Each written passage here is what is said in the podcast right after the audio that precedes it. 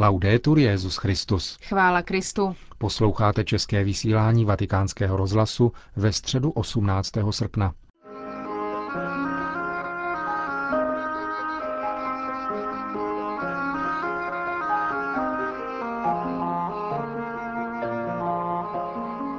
Dnešní generální audience se konala v letní papežské rezidenci Castel Gandolfo.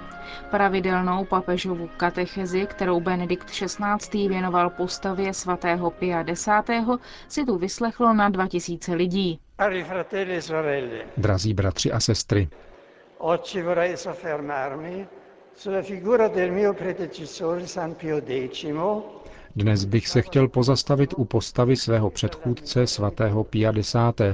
Jehož liturgická památka připadá na tuto sobotu a podtrhnout několik jeho rysů, které mohou být užitečné pro pastýře a věřící naší doby. Josef Sarto, jak zní jeho jméno, se narodil v rodině rolníků v Riese roku 1835. Na kněze byl vysvěcen po studiích v semináři v Padově ve 23 letech. Nejprve byl kaplanem v Tombolo, potom farářem v Salcánu a potom kanovníkem katedrály v Trevízu, kde byl pověřen funkcí biskupského kancléře a spirituála v diecézním semináři. V těchto letech, oplývajících bohatými pastoračními zkušenostmi, projevoval budoucí papež hlubokou lásku ke Kristu a církvi, pokoru, jednoduchost a nesmírnou lásku vůči těm nejpotřebnějším – tedy všechny ty vlastnosti, kterými se vyznačoval po celý život. Roku 1884 byl jmenován biskupem v Mantově a roku 1893 patriarchou v Benátkách. 4. srpna 1903 byl zvolen papežem. Tuto službu přijal s určitým váháním, protože se nedomníval, že dosahuje úrovně potřebné pro tak vznešené poslání.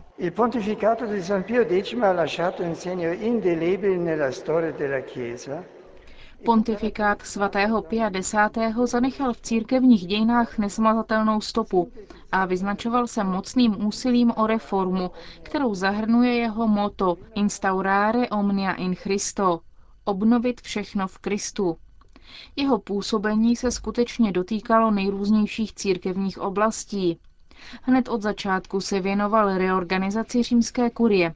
Potom zahájil práce na revizi kodexu kanonického práva, který promulgoval jeho nástupce Benedikt XV. Zasadil se také o revizi studií a osnov formace budoucích kněží, přičemž založil i několik regionálních seminářů, které měly dobré knihovny a připravené profesory. Dalším důležitým sektorem byla věroučná formace božího lidu. Již v době, kdy byl farářem, sám připravil katechismus a během své biskupské služby v Mantově usiloval o to, aby vznikl jednotný katechismus, ne-li všeobecný, tak alespoň italský. Jako opravdový pastýř pochopil, že situace jeho doby, i pokud jde o fenomén migrace, si nezbytně žádá katechismus, o který by se každý věřící mohl opírat bez ohledu na místo a životní okolnosti. Jako papež připravil takový text křesťanského učení, který se pak rozšířil v celé Itálii i ve světě. Tento katechismus, zvaný katechismus 50. byl pro mnohé bezpečným vodítkem pro přijímání pravd víry díky jednoduchému, jasnému a přesnému jazyku a objasňující účinnosti. Značnou pozornost věnoval reformě liturgie, zejména posvátné hudby, jež věde věřící ke hlubšímu životu modlitby v motu proprio trale solecitudini během prvního roku svého pontifikátu tvrdí, že první a nezbytný zdroj pravého křesťanského ducha spočívá v činné účasti na posvátných tajemstvích a na veřejné a slavnostní modlitbě církve. Doporučoval proto přistupovat často ke svátostem, povzbuzoval ke každodennímu svatému přijímání a vhodně přesunul dobu prvního svatého přijímání náležitě připravených dětí k věkové hranici sedmi let, kdy dítě začíná užívat rozum. Fedele al compito di confermare i fratelli nella fede, San Pio X alcune tendenze Věren svému poslání utvrzovat bratry ve víře a tváří v tvář některým tendencím projevujícím se v oblasti teologie koncem 19. a začátkem 20. století, vystoupil Pius X. s rozhodným odsouzením modernismu, aby tak bránil věřící před bludnými pojetími a povzbudil k vědeckému prohlubování zjevení v souladu s církevní tradicí. 7. května 1909 apoštolským listem Vínia Electa založil Papežský biblický institut. Poslední měsíce jeho života byly neblaze zastíněny válkou. Výzva ke katolíkům celého světa pronesená 2. srpna 1914, kterou vyjádřil trpkou bolest přítomné chvíle, byla strápeným voláním otce, který přihlíží tomu, jak se synové šikují proti sobě. Zemřel zanedlouho 20. srpna a mezi křesťanským lidem se i hned začala šířit pověst jeho svatosti. E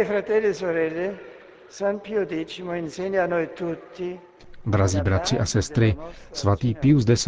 nás učí, že základem naší apoštolské činnosti musí být v různých oblastech našeho působení vždycky niterné osobní sjednocení s Kristem, které je třeba den pod ní pěstovat, aby rostlo. Toto je jádro veškerého jeho učení a celého jeho pastoračního nasazení.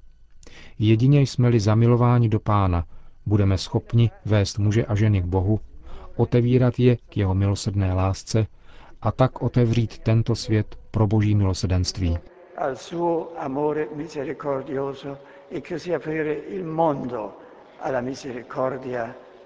na konci generální audience svatý otec obrátil pozornost k nedávným rozsáhlým záplavám v Pákistánu.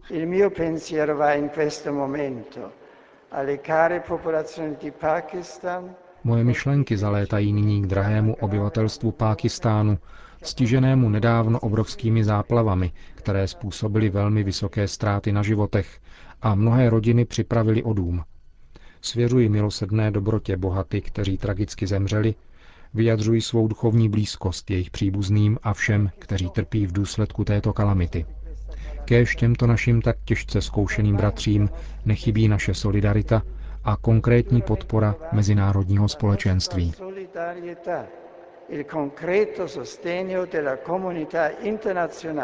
Po společné modlitbě odčenáš pak Benedikt XVI. udělil apoštolské požehnání. Sit nomen Domini benedictum. Adiutorium nostrum in nomine Domini.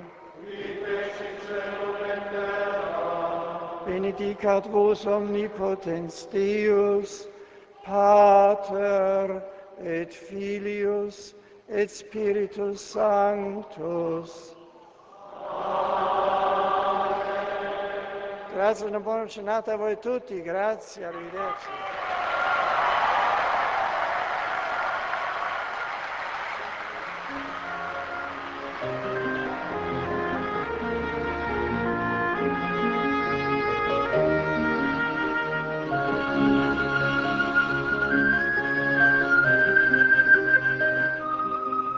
Další zprávy. Vatikán. Svatý stolec zveřejnil podrobný program papežské cesty do Velké Británie, během níž Benedikt XVI. blahořečí kardinála Johna Henryho Newmana. Z Říma odlétá papež 16. září do Edimburku. Tam se také v Královském paláci v Holyrood House setká s královnou Alžbětou II. a poté v parku paláce přednese svůj první projev na britské půdě k představitelům tamní zprávy. Po obědě v arcibiskupské rezidenci v Edimburku se Benedikt XVI. přemístí do Glasgow, kde bude v 17.15 sloužit mši svatou v Bella Houston Parku. Ještě večer toho dne odletí papež do Londýna. Neméně intenzivní program čeká Benedikta XVI. v pátek 17. září. V 10 hodin se setká s katolickými učiteli v kapli sportovního stadionu St. Mary University College v Twickenhamu a o hodinu a půl později na téže univerzitě promluví k představitelům jiných náboženství. Odpoledne se papež setká s kenterberským arcibiskupem v Lambeth Palace.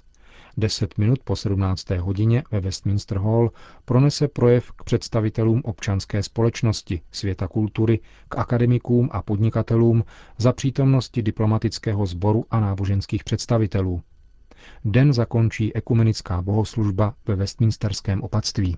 Třetí den návštěvy, sobotu 18. září, zahájí série schůzek z politiky v arcibiskupském paláci. Papež se postupně sejde s premiérem, s vicepremiérem a s lídrem opozice. Od deseti hodin pak bude sloužit mši svatou v londýnské katolické katedrále nejsvětější krve našeho pána Ježíše Krista. Odpoledne papež navštíví dům odpočinku St. Peter's Residence v londýnské čtvrti Lambeth. Od 18.15 se pak zúčastní modlitební vigílie beatifikace kardinála Newmana v londýnském Hyde Parku, kde rovněž pronese promluvu. Papežská cesta do Velké Británie vyvrcholí v neděli 19. září blahořečením kardinála John Henryho Newmana. Slavnost proběhne v Birminghamu, kde Newman po svém vysvěcení na kněze založil anglickou větev oratoriánů. Beatifikační mše svatá začne v 10 hodin v Cofton Park v Rednalu, na jihozápadním předměstí města. Ještě před obědem navštíví papež Birminghamské oratoriány v jejich sídle v Eggbastonu. Po obědě s biskupy Anglie, Skotska a Walesu proběhne ještě oficiální setkání s britskou biskupskou konferencí. Po jeho skončení se Benedikt XVI. s Velkou Británií rozloučí na mezinárodním letišti v Birminghamu a vrátí se do Říma. Lourdes. Od 11. do 16. srpna se konala pouť francouzských katolíků do největšího mariánského poutního místa ve Francii. Byla to 137. národní pouť a vedl jí místo předseda biskupské konference, arcibiskup z Lille, Monsignor Laurent Ulrich. Účastnilo se jí na 10 tisíc osob, z nich několik tisíc tvořili nemocní. Její moto znělo spolu s Bernardetou učení znak kříže. Její účastníci měli v Lourdech bohatý náboženský program, počínaje ranní eucharistií. Odpoledne se konalo eucharistické procesí a svatý růženec a večer tradiční světelné procesí. Součástí programu, který předcházel páteční křížové cestě, byla konference rwandské ženy Immaculée Ilibagidza, která ve Rwandě přežila genocidu z roku 1994.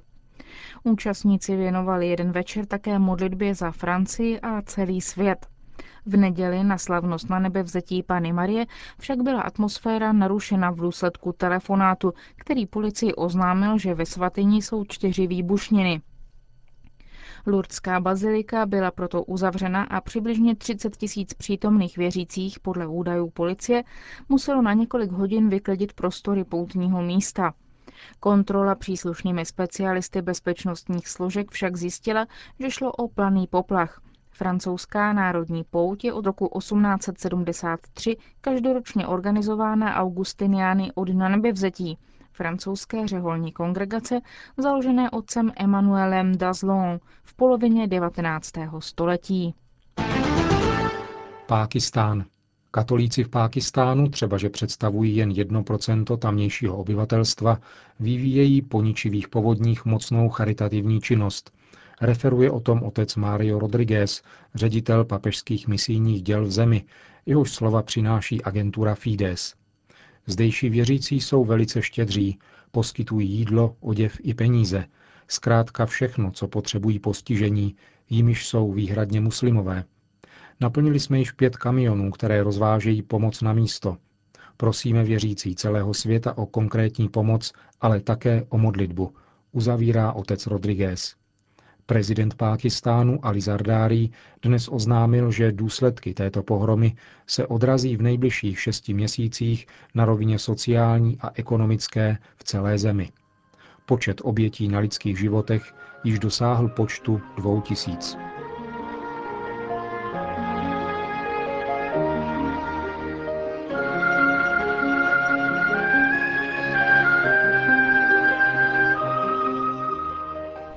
Končíme české vysílání vatikánského rozhlasu. Chvála Kristu. Laudetur Jezus Christus.